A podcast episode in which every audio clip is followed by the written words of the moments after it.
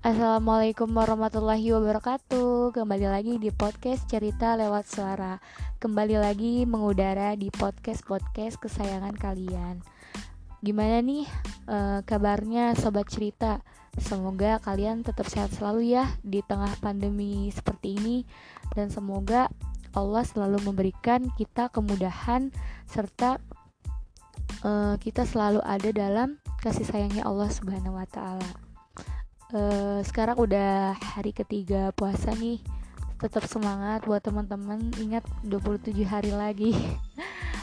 Insya Allah kalau kita melakukannya dengan uh, sung, apa ya dengan ikhlas dengan dengan ridho itu akan uh, akan apa ya akan selesai gitu bukan akan selesai akan diberi kemudahan oleh Allah Subhanahu Wa Taala Terima kasih buat uh, sobat cerita yang udah antusias dengerin podcast aku sama Tereski yang tentang insecure itu wajar gak sih?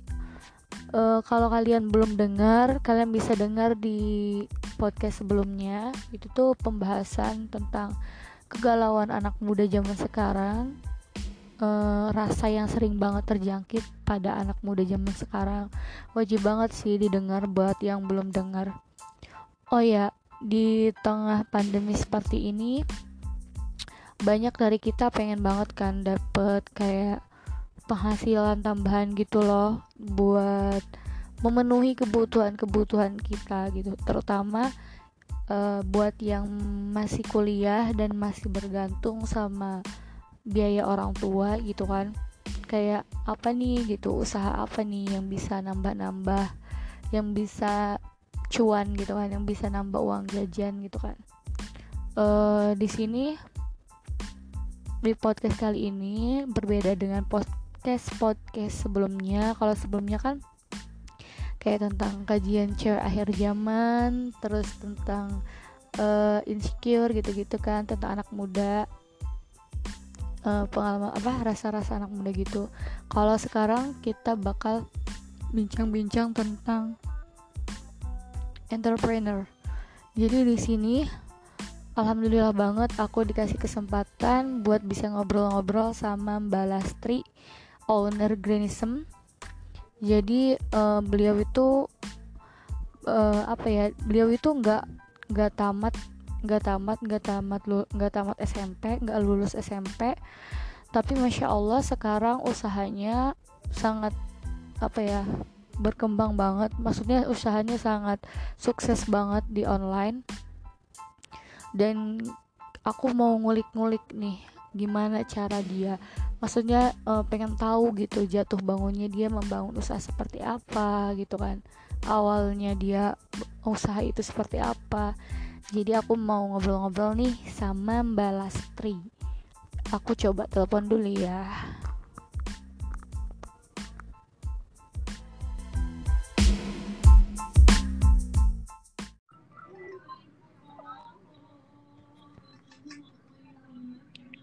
Halo, assalamualaikum. Waalaikumsalam. Kedengeran gak Mbak? Kedengeran sih. Suaraku kedengeran gak? Kedengeran, kedengeran. Iya, soalnya nggak nggak ada headsetnya. gak apa-apa, maaf ya Mbak. iya, nggak apa-apa.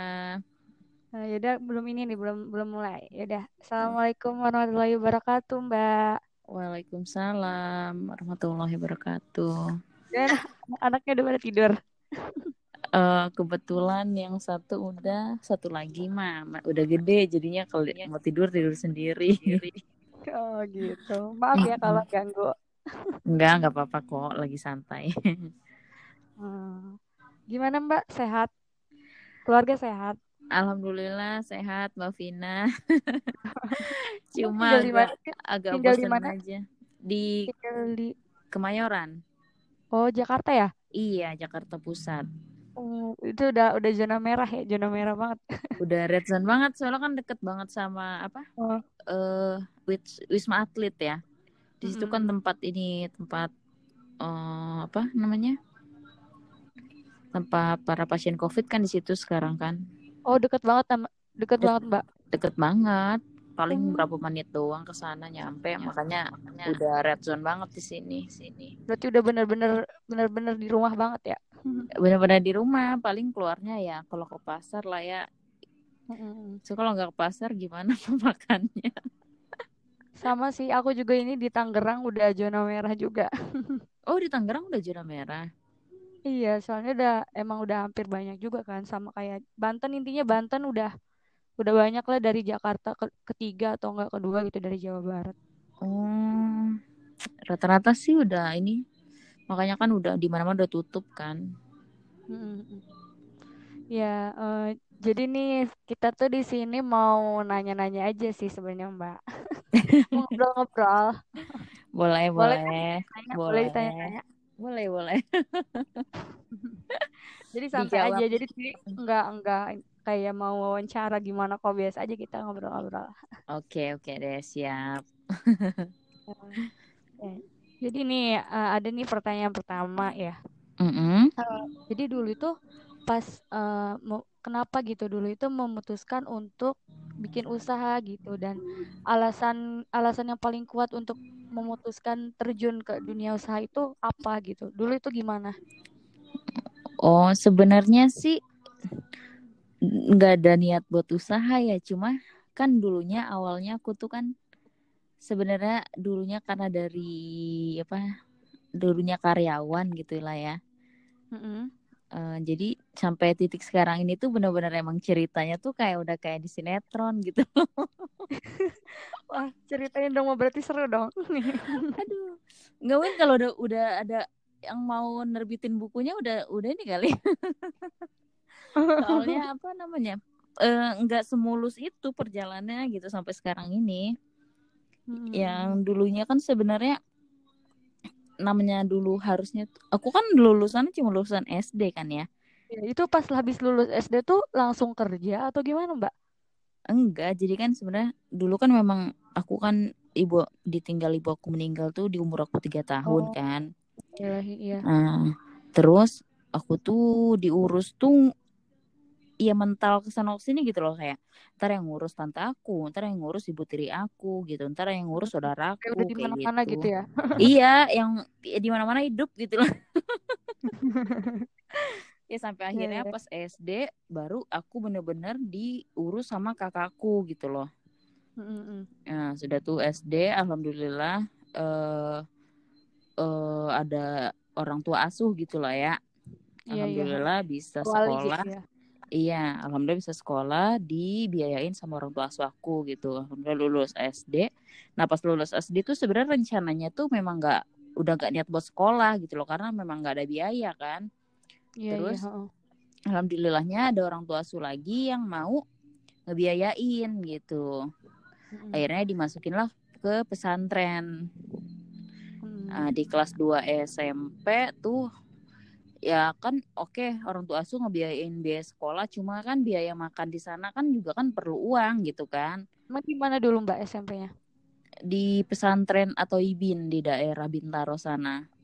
Hmm, di daerah Pondok Aren iya. Oh iya iya. Uh -uh. terus uh, kan walaupun udah ada yang biayain cuma kan makan tetap butuh kan kayak kita mm -hmm. apa tuh buat beli keperluan keperluan ah, gitu ya? benar keperluan keperluannya kan lumayan juga kan sementara hmm. itu yang sekolah uh, keluargaku banyak gitu loh. Ada abang aku ada ponakan aku ada anak kakakku gitu loh. Jadi kayak double double banget gitu biaya pengeluaran kakakku gitu. Kasihan juga kan. Terus yeah, iya. akhirnya ya udahlah mending aku putusin buat berhenti sekolah. Aku bilang aku nggak mau sekolah. Aku bilang gitu aku mau pulang. Padahal itu tanggung ya tinggal setahun lagi ya? Iya udah kelas 2 di di semester oh. pertama waktu itu ya. Iya iya. Terus aku bilang nggak aku nggak mau sekolah aku mau pulang. Aku bilang kayak gitu aku mau kerja. Terus hmm. akhirnya ya keluarga gimana? Kita udah nggak mau sekolah ya bingung juga kan. Ya udah akhirnya hmm. pulang dijemput. Uh, terus akhirnya abis dari situ pertamanya tuh kerja dulu deket-deket rumah gitu di komplek-komplek. Kan rumahnya deket komplek gitu kan ya di hmm. bawah.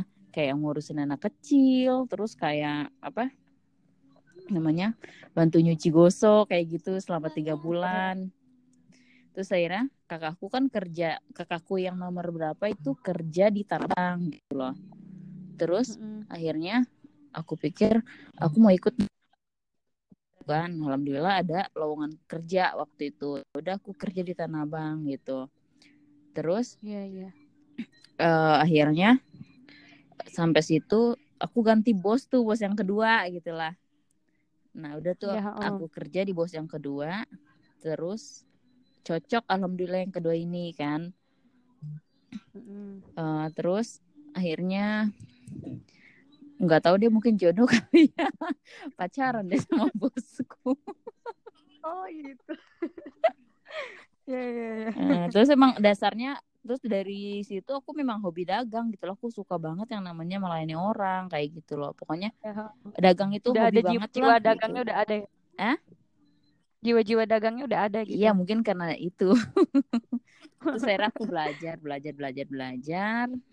Ya udah, alhamdulillah dipercaya bisa buat eh, ini apa namanya ngelola toko sama bos aku gitu bareng-bareng gitu. Terus ya udah, terus nama mungkin jodoh kali ya. Akhirnya aku nikah sama Mm-mm. beliau. Ya udah, terus terus akhirnya pas setelah nikah di tahun pertama itu masih tetap ke mana? Tetap ke pasar, tetap ke toko. Oh, berarti dari dulu itu awalnya itu nggak langsung online ya, offline Enggak, dulu ya, offline di toko dulu. itu ya. Offline Mm-mm. dulu. Terus akhirnya udah lahiran anak pertama, udah nggak dapet izin lagi kan buat ke Tanah Abang, buat ke toko. Terus Iya, iya. aku pikir ngapain? Bingung juga kan cuma ngurus anak juga kan kayak kayak enggak ini aja ya. Kadang ada bosannya gitu Iya, ya. Hmm. kayak apa? Bosen banget gitu loh. Biasa kita nggak bisa diem kan kerja, terus tiba-tiba di rumah cuma ngurus anak doang dari pagi sampai malam, besok pagi lagi kan kayak eh, apa ya bosen gitu loh. terus akhirnya ya udah aku coba cari kegiatan lain apa 2000 berapa itu 2014 kalau nggak salah deh salah deh Mm-mm. 2014 tuh aku coba kan Instagram tuh kalau sudah 2014 tuh masih belum yang namanya banyak banget gitu loh orang belum tahu Iya, banget ya. Banget ya. Kayaknya aku juga belum megang Instagram. iya makanya di 2014 tuh aku punya Instagram pribadi. Terus Heeh. aku coba upload upload foto gitu loh foto-foto dagangan yang di toko. Iya. awal-awal sih memang nggak ada closing maksudnya cuma upload upload aja tapi nggak ada yang beli. Tapi aku pikir ya namanya juga baru ya kan orang Hmm. belum tahu tapi aku tetap upload aja upload terus upload terus eh, lama-lama ada yang beli terus Iya. tesnya bagus ya udah kita kan senang ya kalau udah ada yang beli pertama tuh kan senangnya kayak apa bayangin aja mbak Vina kan Iya, iya. heeh. Nah, terus lama-lama lama-lama eh kok lumayan kayak gitu. Ah, terus akhirnya aku terus eh, dagangin eh, dagangan suami aku di toko kan. Iya, Sampai iya. akhirnya eh aku ngobrol sama teman aku yang udah dulu udah megang udah sering udah udah hatam gitulah di Instagram ya kan aku tanya-tanya tanya-tanya Mulai ternyata diseriusin gitu ya di online. iya Terus Mm-mm. ternyata kata dia, eh kayaknya nama Instagram lu kurang oke deh gitu. Dulu kan aku Instagramnya tuh kayak nama pribadi kan. Oh, Jadi, jadi eh, walaupun eh, jualan-jualan tapi pakai nama sendiri gitu ya? Belum iya akun buat jualannya gitu. belum. Terus Mm-mm. akhirnya, oh iya ya kira-kira apa ya? Terus ya udah aku namain dinamain aja Ratu Hijab ya kan. Dulunya awalnya Ratu Hijab. Oh, jadi bukan yang sekarang itu yang Grandism ya? Bukan, Greenism itu baru di tahun 2017. Hmm.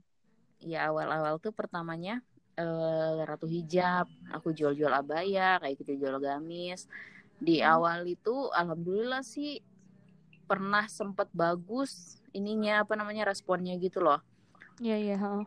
Sa- dari satu apa ya dari, dari punya satu admin sampai punya tiga admin waktu itu pas di Ratu Hijab itu kan Hmm. berarti kan responnya bagus terus tapi semenjak aku hamil anak kedua nah aku nggak fokus jadi otomatis semua berantakan tuh akhirnya omset aku tuh benar-benar merosot banget dah sampai Hmm. bingung lagi ya Allah kok kayak gini gitu kan Padahal itu udah di-handle sama admin ya? udah dihandle sama admin cuma akunya nggak Hmm. fokus kayak bikin barangnya tuh Oh, kadang, kadang bikin kadang enggak kayak gitu jadi kan nggak konsisten gitu loh Hmm. jadi ya merosot merosot banget omsetnya nah, terus di tahun 2017 aku baru pegang greenism itu jadi greenism itu aku di owner kedua gitu loh dulunya ada yang punya greenism nah greenism itu dijual ke aku kayak gitu jadi aku cuma Oh, nerusin gitu. aja Iya, iya. iya. Di tahun awal 2017 itu itu Jadi itu berarti benar-benar awalnya itu ini ya off- offline dulu ya di toko terus bener-bener baru ah, iya bener-bener offline di, dari di Iya, seriusin di apa? Instagram Instagram dulu apa Facebook dulu dulu mainnya?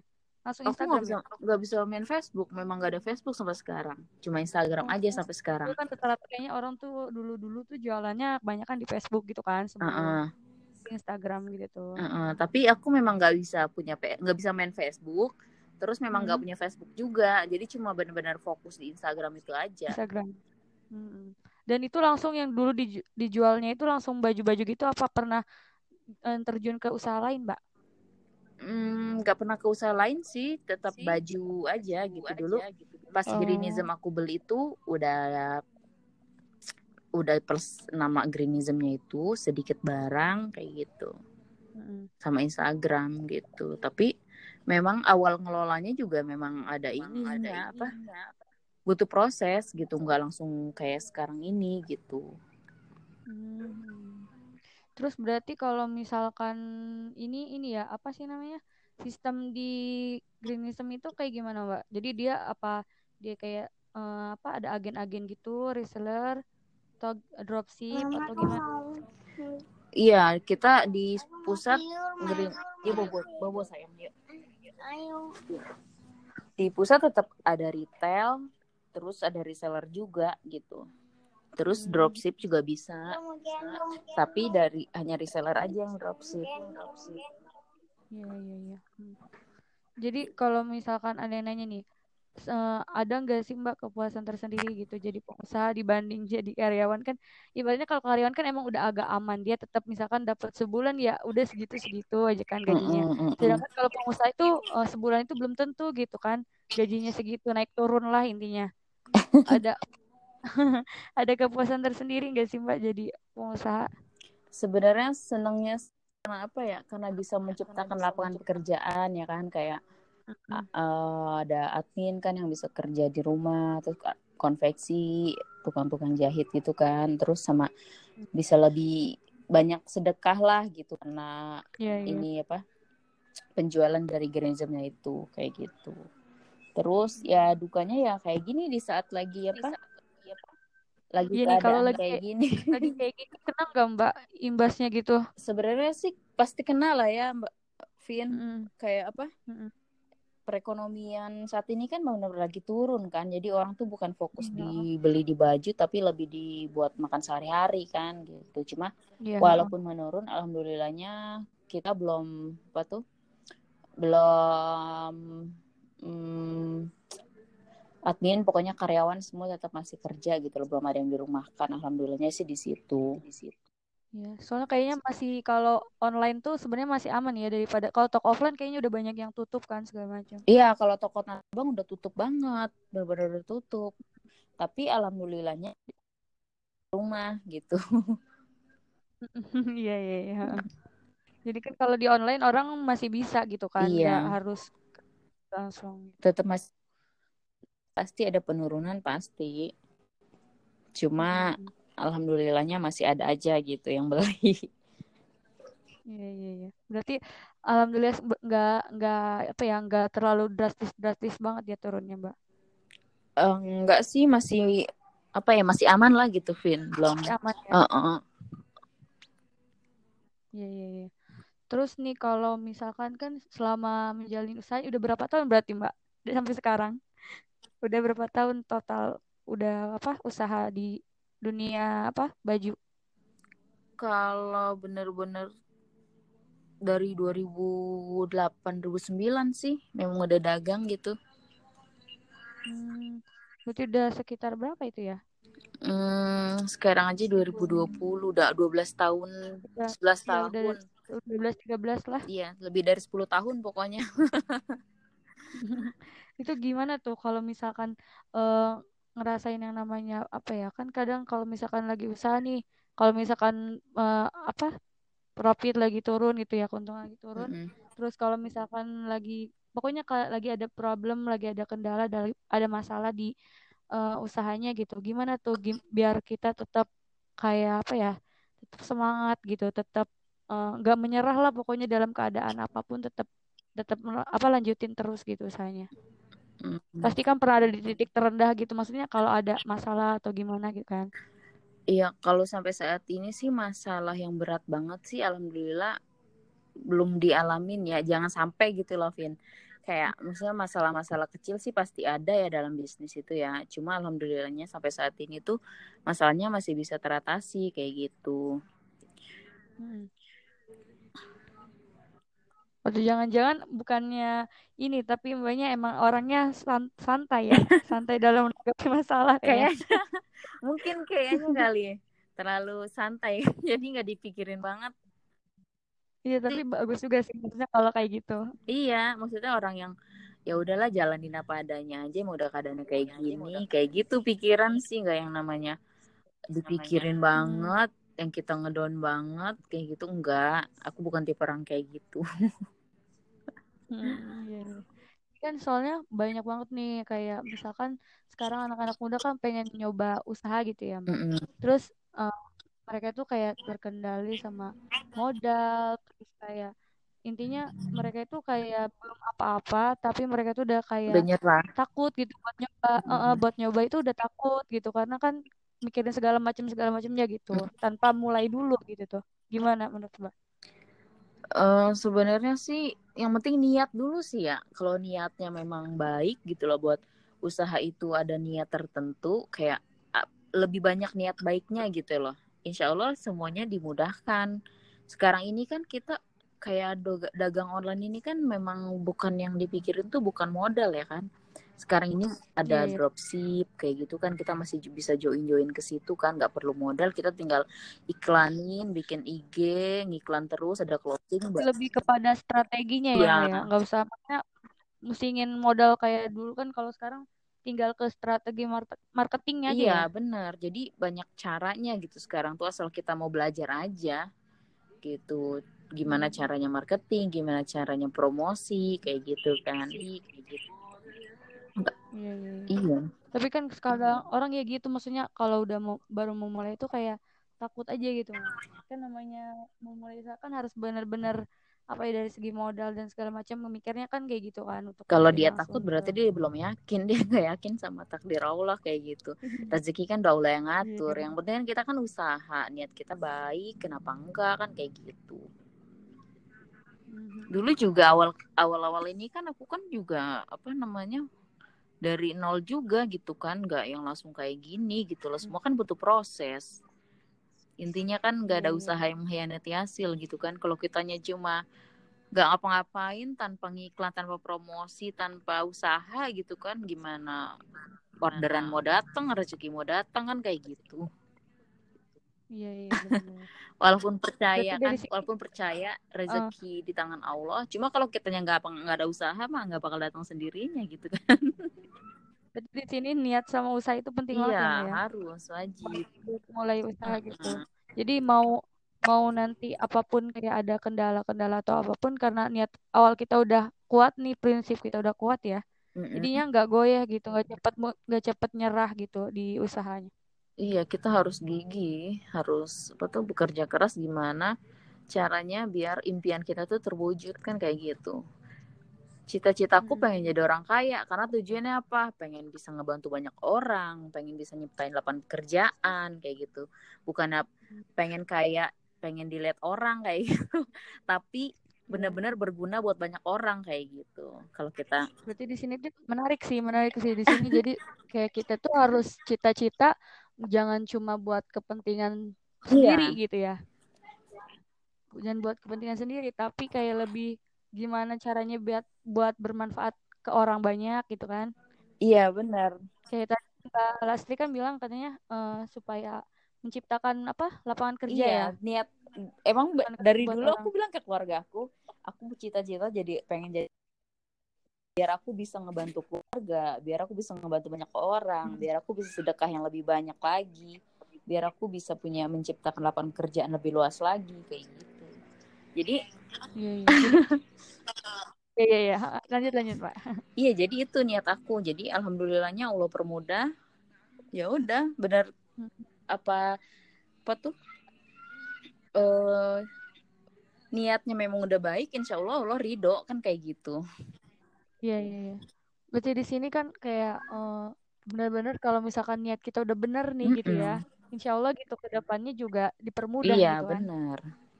Kalau ada niat kita udah nggak baik ya gimana mau Allah kasih jalan dipermudah gitu kan? Iya. tergantung Terus niatnya nih kalau kalau sekarang kan kayaknya banyak nih ya Mbak. Kalau fenomena sekarang nih kan kayak banyak toko-toko tuh sebenarnya udah pada tutup ya beralih ke online. iya Kayak maksudnya ruko-ruko itu udah mulai yang tadinya kayak ramai banget tuh udah kayak dikit-dikit udah pada tutup gitu tuh.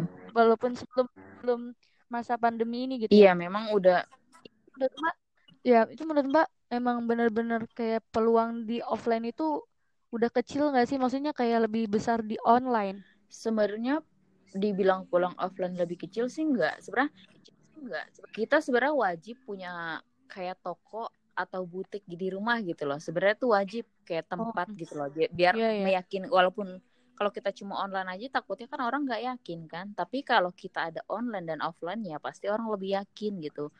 Siapa sekarang ini sebenarnya kalau misalnya si offline itu nggak pinter-pinter siasatin ikutin dunia online ya mereka bakalan KO gitu loh tapi kalau mereka Iya, iya. di offline-nya dia Iya, jadi misalkan dia cuma ada offline doang ya, toko Iya. offline-nya dia nggak buka Iya. online gitu, nggak mau berusaha ke Iya, online. dia bakal kalah dengan kompetitor yang lain gitu kan. Karena sekarang nih eh, online tuh lebih melek gitu loh kembanding offline.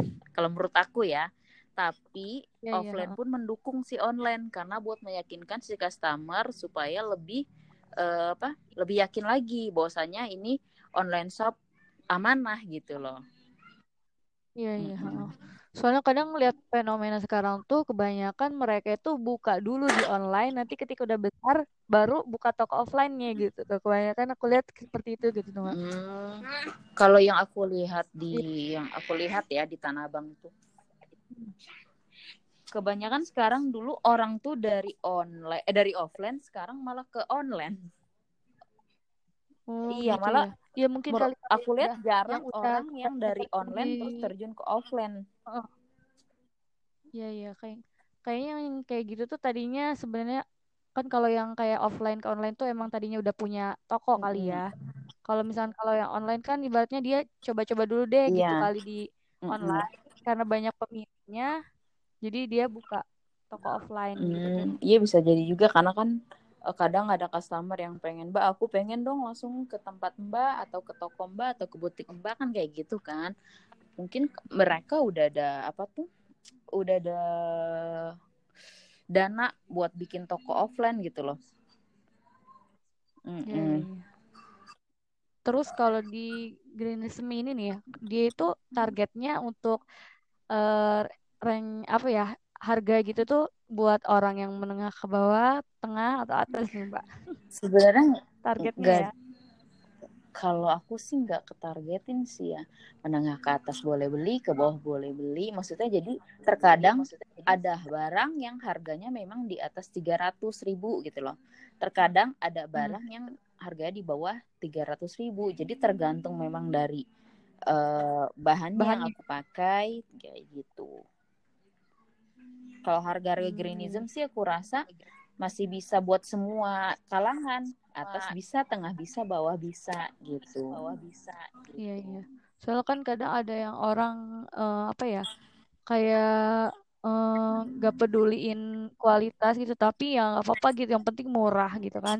Tapi kayak kualitas ya kayak seolah-olah bukan jadi yang pertama. Yang penting murah dulu deh gitu. Kalau Mas sendiri gimana nih prinsip dalam menjalankan usaha tuh buat suatu barang tuh gimana? Kalau aku untuk sekarang ini ya, aku benar-benar prioritaskan tuh Hmm. lebih ke ke kualitas dari segi bahan yang aku pilih tuh benar-benar aku cari yang bener-bener bagus nyaman adem kan kayak gitu kan kalau dari segi jahitan Hmm. aku usahain jahitannya tuh bener-bener rapi kayak gitu sebenarnya dulu itu awal-awal aku merintis di dunia online tuh kan eh Vina kan tahu sendiri jahitan tanah abang kayak gimana kan ya gimana kan ya Iya, kayak langsung apa ya? Langsung jadi bukan langsung jadi apa Ya, sih pokoknya- kayak kayak agak Iya. asal gitu lah. Tahu lah kelas tanah abang ya dulu kualitas aku seperti itu gitu loh akhirnya ada masukan dari banyak-banyak dari banyak customer ya udah aku mulai apa Hmm. aku mulai coba memperbaikinya kayak gitu cari konveksi yang benar-benar bagus alhamdulillah sekarang udah punya konveksi sendiri yang eh, jahit khusus barang greenism gitu. Memang benar-benar konveksi sendiri gitu. Nggak numpang jahit lagi di konveksi orang. Kayak gitu. Makanya kita bisa pertahanin kualitas kita. Kalau misalkan dari ini Mbak, kayak misalkan di eh, dalam eh, usahanya nih, kayak pernah nggak sih di kayak ada ada masalah sama karyawan gitu ditipu atau gitu-gitu pernah nggak Mbak? Kalau eh kalau itu mau pasti ada lah. pasti ada lah, Vin. Cuma ya udah mungkin aku pikirnya itu emang dosa kita. Anggap aja itu bagian penembus dosa kita. Kita punya salah Ya kan, sama bener. orang atau punya Balas itu- dosa. Ya, balas balas itu kayaknya santai, tenang gitu yang ada. iya kalau Bagi tips Mbak kalau apa ya supaya ngadepinnya santai itu gitu. iya kalau itu sih eh, pasti ada lah namanya kita dagang usaha tuh udah lebih dari 10 tahun. Iya, iya. Udah lebih dari 10 tahun ya kan. Jadi pasti hal ya.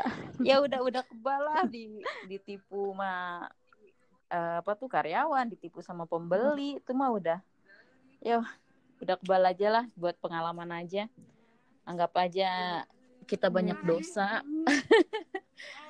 gitu aja makanya dikasih cobaan kayak gitu gitu aja sih sekarang sih Iya, iya. Terus kalau sekarang tuh bener eh, udah nggak di apa ya kayak bener-bener masih ngehandle terjun langsung atau cu- udah dihandle banget sama semua sama admin Eh, gitu? sebenarnya sih sekarang ini masih handle, cuma memang aku ada bagiannya gitu loh. Jadi udah bukan bagian kayak marketing lagi, udah bukan bagian admin lagi, tapi aku cuma khusus di bagian produksi gitu, kayak pemilihan bahan, terus model, konveksi, itu masih aku semua yang yang handle. Kayak gitu. Terus sama reseller masih aku juga yang handle semuanya. Maksudnya reseller tuh kayak misalnya reseller tuh ada komplain terus ada masuk mas- ada masukan Masuk gitu kayak ya, gitu. sama langsung ke aku itu. Nggak melalui admin lagi. Soalnya kadang kan kalau hal kayak gitu kita kasih ke admin kan belum tentu semua yang disampaikan reseller nyampe ke kita kan. Jadi aku pengennya tuh semua tuh bener-bener sampai ke eh, ke aku semua gitu biar aku bisa evaluasi semuanya kayak gitu. Semuanya kayak gitu. Berarti kalau misalkan sekarang sehari-harinya ya di rumah aja gitu. Iya, bener-bener di rumah kan anak-anak udah pada sekolah juga kan. Itu cara ngebagi waktunya gimana, Mbak? Maksudnya kayak ada ngehususin gak nih kalau yaudah oke buat layanin layanin segala, urus- segala urusan bisnis gitu, misalkan ma- pas malam-malam pas anak-anak udah tidur atau apa, gimana? Tetap jalanin kayak biasa aja, maksudnya sam- nyambi-nyambi. Sebenarnya sih kan karena kalau kayak ba- aku bagi bagian aku cuma bagian produksi kan. Itu dari Paman Evan. Aku mau Ya. itu buat siapa? Buat Bang Nino. Itu. Nino. Bukan itu baju. Coba aja lihat. Kalau aku sih sebenarnya kalau waktu tuh nggak terlalu yang namanya ke apa ya keteter gitu loh kayak ya udah ada waktu aku kerjain nggak ada waktu ya udah kan bisa nanti kayak gitu nggak yang namanya urgent banget gitu jadi kayak ngurusin konveksi kan paling kan mereka kan gajian kan cuma hari Sabtu. Terus paling ngasih kerjaan ke tukang potong kayak misalnya pak hari ini motong ini model ini jumlahnya sekian kayak gitu kan di bawah kan deket di, di masih serumah juga. Iya, jadi yang nggak harus kita pergi jauh-jauh kita samperin konveksi enggak. Jadi semua tuh masih dikerjain di rumah kayak butik pun masih di rumah di bawah di lantai satu aku kan tinggal di lantai dua kayak gitu jadi masih yang di situ juga kapan aja aku kerjain bisa gitu iya nggak gitu yang ya. namanya harus banget kayak gitu enggak nggak harus nih paling kalau photoshoot tuh baru aku ninggalin anak-anak kayak gitu Mhm. Iya iya. Terus nih Mbak, sampai sekarang nih ya ada di titik sekarang gini nih. Kalau misalkan flashback ke zaman dulu gitu kan, perjuangan banget gitu.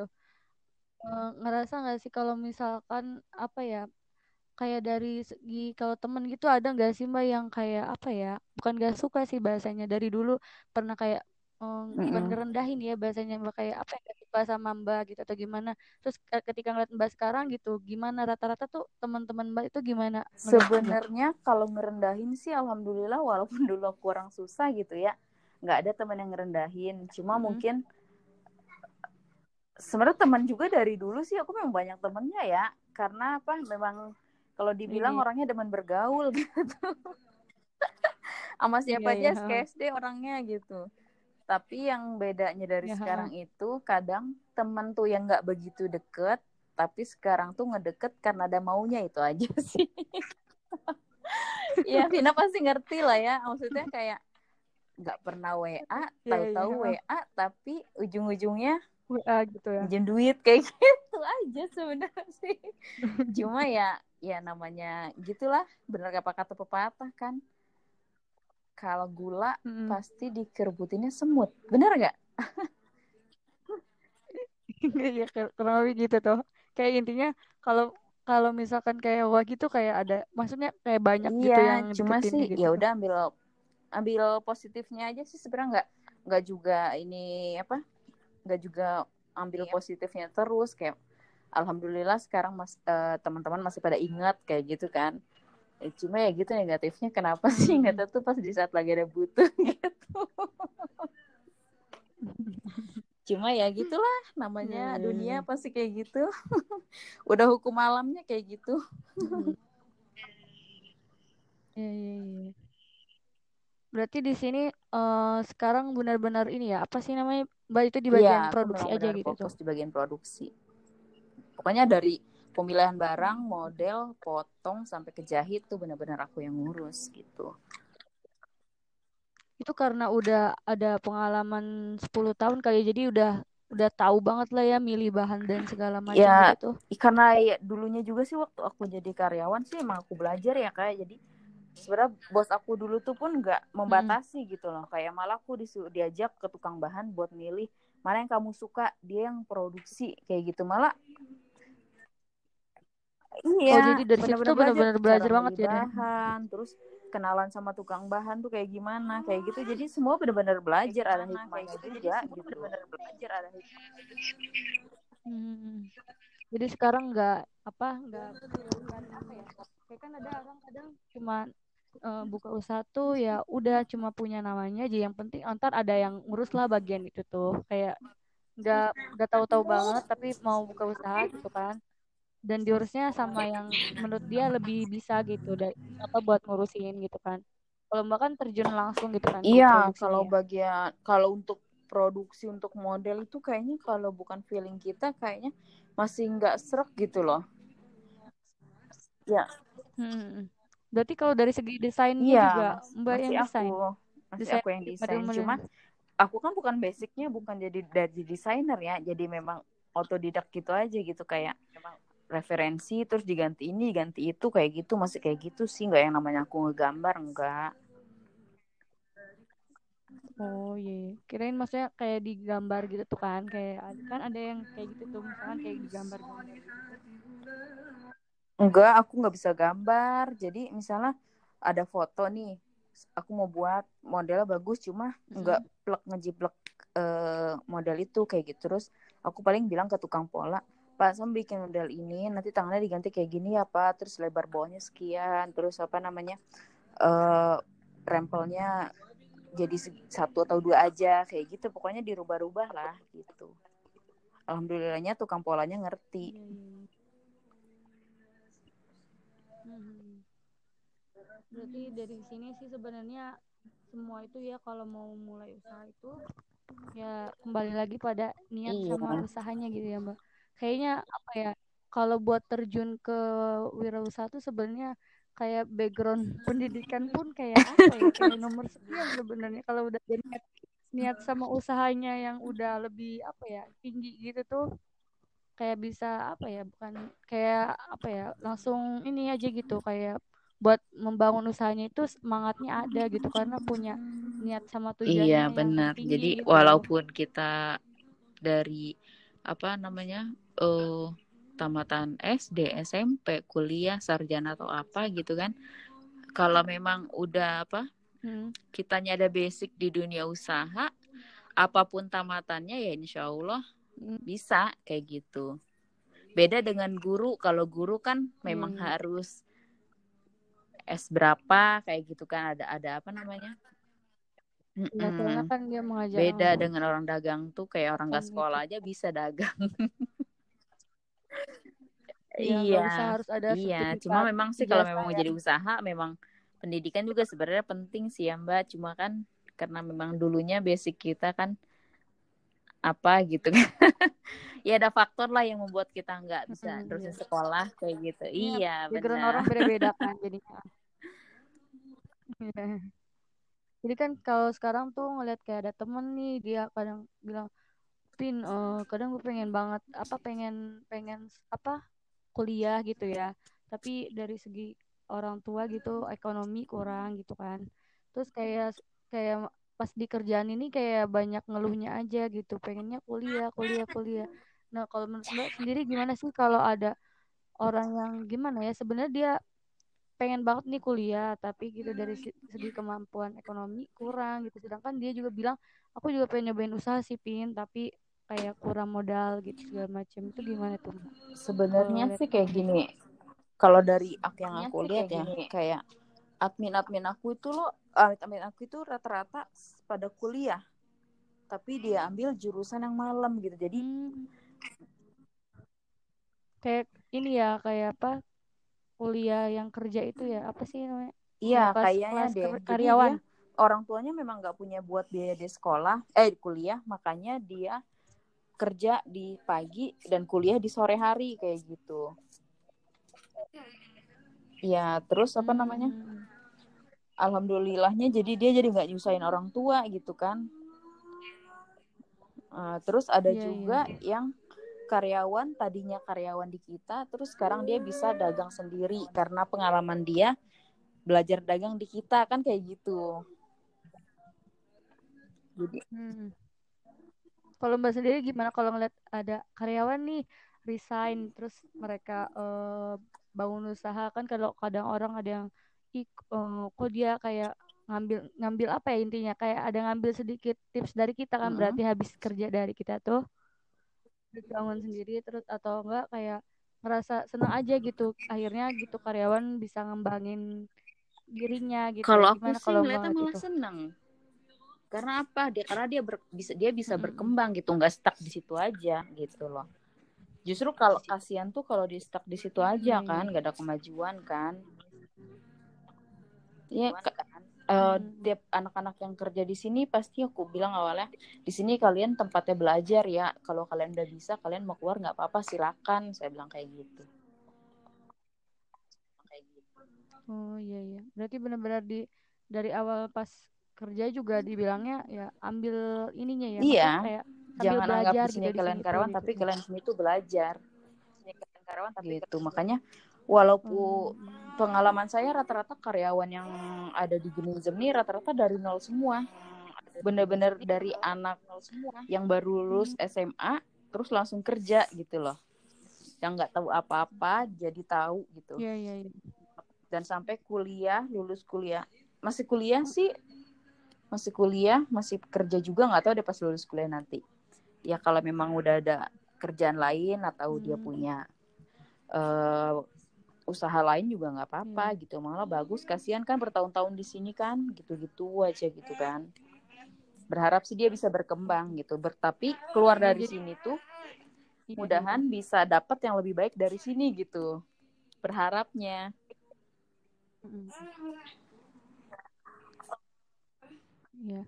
Eh, Masya Allah banget ya udah dapat banyak apa ya pembelajaran gitu dari Balastri. Bener kata orang kalau misalkan setiap orang itu adalah guru gitu. Jadi benar-benar ketika ngobrol sama mbak juga kayak oh iya uh, uh, jadi kayak banyak banyak sama banyak aku juga masih lah banyak belajar Vin. Kayak aku tuh senang ngobrol sama orang tuh eh nanya sesuatu yang kadang kita nggak tahu jadi kita jadi tahu kan kayak gitu jadi semua sama-sama belajar lah kayak aku belajar sama Hmm. Vina Vina belajar sama aku terus nanti belajar sama siapa lagi kayak gitu jadi nggak pernah menganggap bahwasanya kita paling pintar kayak Iya, iya. gitu bahwa tapi selalu menganggap gue nggak ada Hmm. apa-apanya masih banyak yang lebih dari gue gitu pasti selalu berpikir kayak gitu. Supaya apa ya nggak nggak kalau misalkan kalau kita menganggapnya bahasa kita kalau itu kalau kita ya menganggap bahasanya? diri kita tuh Karena aku juga hebat ngerasa ya kayak ini kan apa namanya kayak udah nggak mau Heeh. belajar lagi gitu loh ah gue udah paling hebat nggak perlu gue belajar kan ya jadi kayak iya ada pembandingan gitu sama orang gitu makanya tetap bener-bener sama siapa aja aku Iya sih. bener-bener pengennya tuh tahu gitu loh cari tahu atau bertanya kayak gitu Hmm. makanya aku juga pas chat balas itu sebenarnya iseng aja sih. Ah dibalas gak nih? Ah dibalas gak nih? Ah, langsung dibalas gitu ya. Ngerasa kayak maksudnya kayak temen aja gitu tuh. Jadi kayak ya Allah emang nggak pernah membatasi diri sih. Maksudnya apa ya? Ya kita kan bukan siapa-siapa juga gitu kan. Sama-sama manusia semuanya kan. Jadi siapa pun yang mau kenalan siapa pun yang mau berteman ayo silakan gitu. Tapi ya emang begini adanya gitu orangnya. Hmm. Insya Allah. Ini nih sebelum penutup eh, ada nggak nih yang mau disampaikan nih sama teman-teman semua? Jadi rata-rata yang ngedengerin tuh ngedengerin podcast ini tuh umurnya rata-rata aku lihat di kayak grafiknya gitu ya. Kebanyakan 18 sampai 22 jadi bener-bener masih anak muda banget nih yang baru mau umur 20-an lah kayak aku nih baru 20 tahun kayak kadang kalau misalkan aku juga sebenarnya kayak ini mbak Mm-mm. apa reseller reseller gitu kan kayak udah sekarang udah mulai gitu maksudnya kayak jadi reseller reseller alhamdulillah udah kayak dapat sedikit sedikit lah gitu maksudnya ada buat uang jajan kadang juga ngerasa kayak pengen banget mau itu mulai usaha tapi sebenarnya kayak belum aja gitu belum belum apa ya kayak belum ada takut masih ada rasa heeh. kayak tadi kayak rasa takut gitu kan karena pengalaman belum terlalu Mm-mm. kan baru dari reseller reseller aja kan sedangkan kalau misalnya terjun langsung diusahakan kayak bener-bener ngurus semuanya gitu dari produksi segala Iya. macam dan kayak lain-lain ya gitu. apa ya pesan-pesannya ya Jadi kayak ujangan-ujangan gitu buat anak-anak muda nih biar nggak pada Gak apa-apa rebahan sebenarnya aja. sekarang ini rebahan aja bisa menghasilkan uang loh Vin ya kan Iya sih benar rebahan bawa cuma perubahan. tiduran sambil balas chat tahu-tahu uang Iya. masuk makasih ya kak iya Itu benar. rebahan yang positif ya, kayaknya kak. jadi ya Kalau rebahan yang negatif beda buat lagi. buat memulai kayak gitu. Niat kita tuh baik insya Allah dikasih jalannya pun baik sama Allah kan dimudahkan kan. Terus tidak ada usaha yang mengkhianati hasil selagi kita bisa bekerja keras. Terus kita berusaha insya Allah. Kan kan kayak gitu. Eh, terus apa lagi ya Hmm. eh pokoknya semangat apa pun yang dilakuin insya Allah. Yang penting Allah ridho gitu aja. Insya Allah kalau Allah ridho diberi kemudahan semuanya. Gitu Iya, iya. aja sih. Marketing langit dan marketing buminya harus seimbang.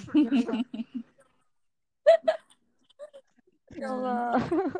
Ya, ya, iya ya, ya, walaupun ya sama sih masih belum seimbang cuma mudah-mudahan bisa seimbang lah Oh. antara langit dan buminya Ya, jadi bukan cuma apa cuma bukan cuma bahas profit profit profit ya Mbak. Ya keuntungan keuntungan aja gitu, tapi lebih dari itu gitu melihat kebermanfaatan dan lain-lainnya gitu. Iya iya. Eh mungkin itu aja kali ya Mbak yang ditanya-tanya. Aduh, makasih banget nih udah sama-sama udah ngeganggu Vin. waktu. Cuma maaf ya kalau jawabannya masih belum memuaskan, masih banyak masih banyak yang apa namanya? eh masih banyak kekurangan lah intinya gitu.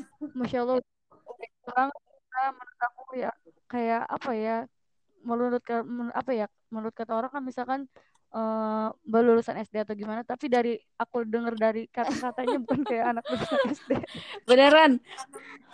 Ijazah SD aja nggak tahu di mana Vin. Uh, dari nggak tahu di mana. Jadi sekarang tuh kayak ya ya udahlah maksudnya kayak kalau misalkan emang terjun di usaha tuh kayak nomor pendidikan tuh sekian sekian sekian. Dari segi ini juga maksudnya kayak aku lagi nggak ngobrol kan kadang ada yang bilang kan katanya ada yang agak beda tuh pemikir apa bukan pemikiran maksudnya orang yang berbicara orang yang kuliah sama yang enggak atau enggak pokoknya ada pembedaan gitu kan. Tapi aku selama ngobrol sama mbak beda. nggak ada beda, beda banget. Ada bedanya pasti lah aja yang berpendidikan sama yang nggak pendidikan.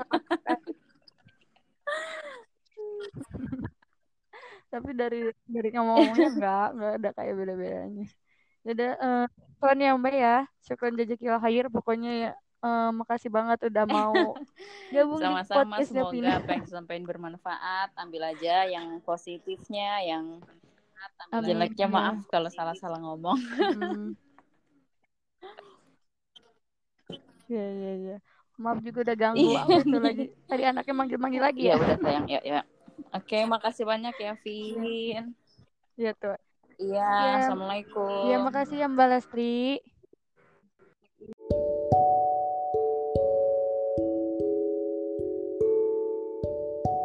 Itu dia tadi ngobrol-ngobrol aku sama Mbak Lastri. Masya Allah banyak banget yang aku apa ya pelajaran yang bisa aku ambil gitu. Ternyata uh, ada kelebihan gitu kelebihan yang yang Balasri punya yaitu beliau itu sangat sangat santai dalam menanggapi setiap masalahnya dalam artian beliau tidak memusingkan terlalu memus tidak terlalu memusingkan gitu suatu masalah.